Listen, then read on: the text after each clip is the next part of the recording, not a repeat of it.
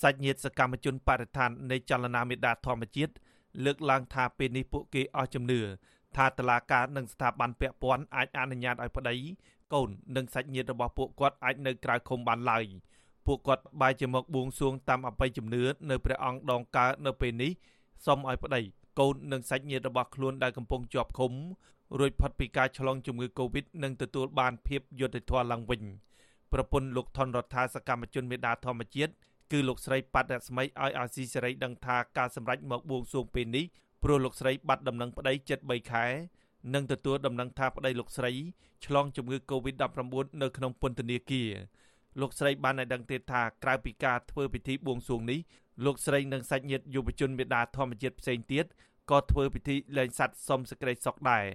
កន្លងមកយើងឃើញហើយសូម្បីតែយើងដាក់បៀកបណ្ដឹងអើយសុំនៅក្រៅឃុំ3ម្ដងហើយគឺអត់បានទេអញ្ចឹងយើងអត់មានជំនឿលើពួកគាត់ទៀតទេយើងមានតែជឿទៅលើវត្ថុស័ក្តិសិទ្ធិជួយឲ្យបន់ស្រន់ឲ្យគាត់នៅក្នុងពន្ធនាគារហ្នឹងសុខសុខសប្បាយកុំឲ្យមានជំងឺកុំឲ្យអីអញ្ចឹងណាបង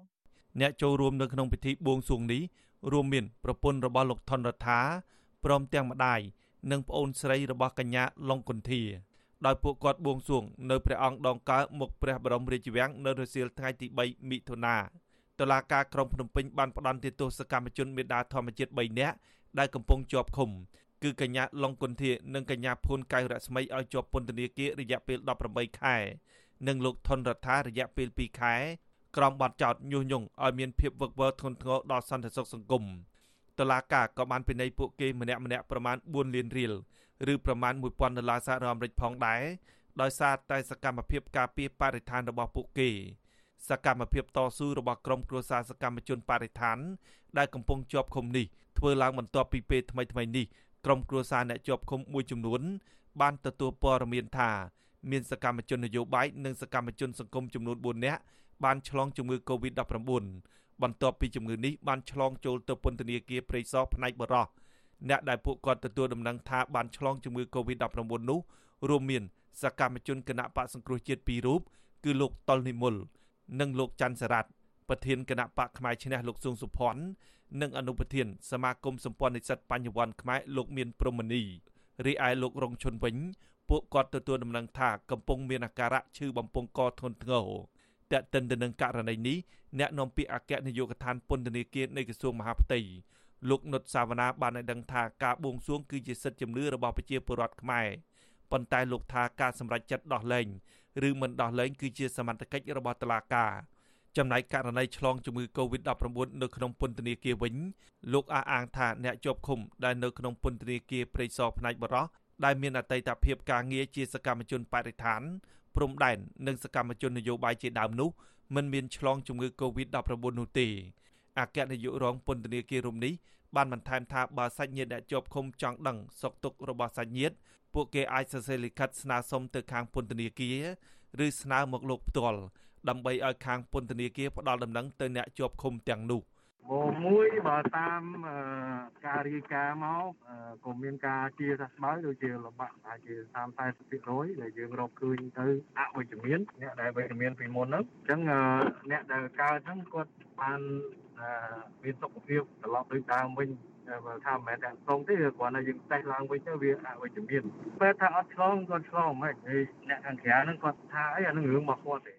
ទោះជាយ៉ាងនេះក្តីមន្ត្រីសិទ្ធិមនុស្សយល់ថាខាងពន្ធនាគារ គួរតែរកវិធីដែលលឿនជាងនេះដើម្បីឲ្យសាច់ញាតិអ្នកជាប់ឃុំឆាប់បានទទួលដំណឹងពីក្រុមគ្រួសាររបស់ពួកគេមន្ត្រីសិទ្ធិមនុស្សក៏នៅតែជំរុញឲ្យអាជ្ញាធរអនុញ្ញាតឲ្យអ្នកជាប់ឃុំខ្លះអាចបានទៅនៅក្រៅឃុំជាបណ្ដោះអាសន្នដែរនាយករងទទួលបន្ទុកផ្នែកខ្លំមើលសិទ្ធិមនុស្សនៃអង្គការលីកាដូលោកអំសំអាតយល់ថាការដែលសាច់ញាតិរបស់អ្នកជាប់ឃុំមកធ្វើពិធីបួងសួងបែបសាសនាដូច្នេះជាការបង្ហាញថាពួកគេលែងមានជំនឿទៅលើប្រព័ន្ធច្បាប់ មន្ត្រីសិទ្ធិមនុស្សរូបនេះនៅតែជំរុញឲ្យស្ថាប័នតុលាការនិងក្រសួងយុតិធធរកមជ្ឈបាយដើម្បីឲ្យអ្នកជាប់ឃុំខ្លះអាចនៅក្រៅឃុំបានទៅលើការនៅក្រៅឃុំបណ្ដោះអាសន្នទៅលើបទល្មើសណាដែល អាចអនុញ្ញាតឲ្យនៅក្រៅឃុំបដោះអាសន្នបានណាហើយទី2ពិនិត្យទៅលើការបន្លឿននីតិវិធីដើម្បីឲ្យមានការជំនុំជម្រះឲ្យបានលឿនទៅហើយមួយទៀតគួរតែពិនិត្យទៅលើអ្នកដែលជាប់ឃុំចិត្តផុតទោសណាអ្នកជាប់ឃុំដែលជាជនពិការស្ត្រីមានតិចពោះស្ត្រីដែលមានកូនតាមម្ដាយអ្នកទោសគេថាអ្នកទោសអ្នកស្ការសកម្មជនការពារបរិស្ថានសកម្មជនសិទ្ធិមនុស្សអីជាដើមដែលអាចនឹងពិនិត្យវិចារណាថាតើអាចឲ្យនៅក្រៅឃុំបានឬយ៉ាងណាក៏សម្រួលទៅបើសិនជាអាចឲ្យនៅក្រៅឃុំបាននោះបាទតែកតិនទៅនឹងស្ថានភាពឆ្លងជំងឺ Covid-19 នៅក្នុងពន្ធនាគារនេះអ្នកនាំពាក្យអគ្គនាយកដ្ឋានពន្ធនាគារលោកនុតសាវណ្ណាអះអាងដែលថាពេលនេះអ្នកជាប់ឃុំនៅតាមពន្ធនាគារដែលឆ្លងជំងឺ Covid-19 ជាង350នាក់រួមមានពន្ធនាគារព្រៃសរផ្នែកបរោះពន្ធនាគារខេត្តកណ្ដាលពន្ធនាគារខេត្តព្រះសីហនុនិងពន្ធនាគារខេត្តកំពង់ស្ពឺ ដែលឆ្លងជំងឺ Covid-19 ប្រមាណ90%រកមិនឃើញមានជំងឺទៀតទេក្រៅពីនេះលោកថាក៏មានរកឃើញអ្នកជាប់ឃុំថ្មី នៅក្នុងពន្ធនាគារខេត្តបន្ទាយមានជ័យម្នាក់អ្នកជាប់ឃុំថ្មីនៅក្នុងពន្ធនាគារខេត្តស្វាយរៀងម្នាក់មានជំងឺ Covid-19 ទោះជាយ៉ាងណាលោកថាខាងពន្ធនាគារបានយកអ្នកជាប់ឃុំទាំងនោះទៅឃុំដាច់ដោយឡែករួចហើយទោះជាយ៉ាងណាអង្គការឃ្លាំមើលសិទ្ធិមនុស្សអន្តរជាតិ Human Rights Watch និងអង្គការលើកលែងទោសអន្តរជាតិ Amnesty International កាលពីពេលថ្មីៗនេះបានចេញសេចក្តីថ្លែងការណ៍រួមក្រោយពីពួកគេបានទទួលព័ត៌មានសម្ងាត់ថាមានអ្នកជាប់ឃុំនៅក្នុងពន្ធនាគារពេស៊ីឬពន្ធនាគាររាជធានីភ្នំពេញរាប់រយនាក់បានឆ្លងជំងឺ Covid-19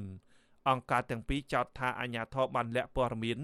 នៃការឆ្លងជំងឺ Covid-19 នៅក្នុងពន្ធនាគារដោយបង្ហាញតួលេខអ្នកឆ្លងតិចតួចបំផុតក្រុមអង្គការសិទ្ធិមនុស្សជាតិនិងអន្តរជាតិ បានទទូចឲ្យអាជ្ញាធរដោះលែងអ្នកជាប់ឃុំនៅក្នុងបទល្មើសស្រាលស្រាលនិងអ្នកជាប់ចោតនៅក្នុងសំណុំរឿងនយោបាយដើម្បីបញ្ជាហានិភ័យនៃការឆ្លងរាលដាលជំងឺ Covid កាន់តែខ្លាំងក្នុងពន្ធនាគារខ្ញុំបាទហេងរស្មី អាស៊ីសេរីពីរដ្ឋធានី Washington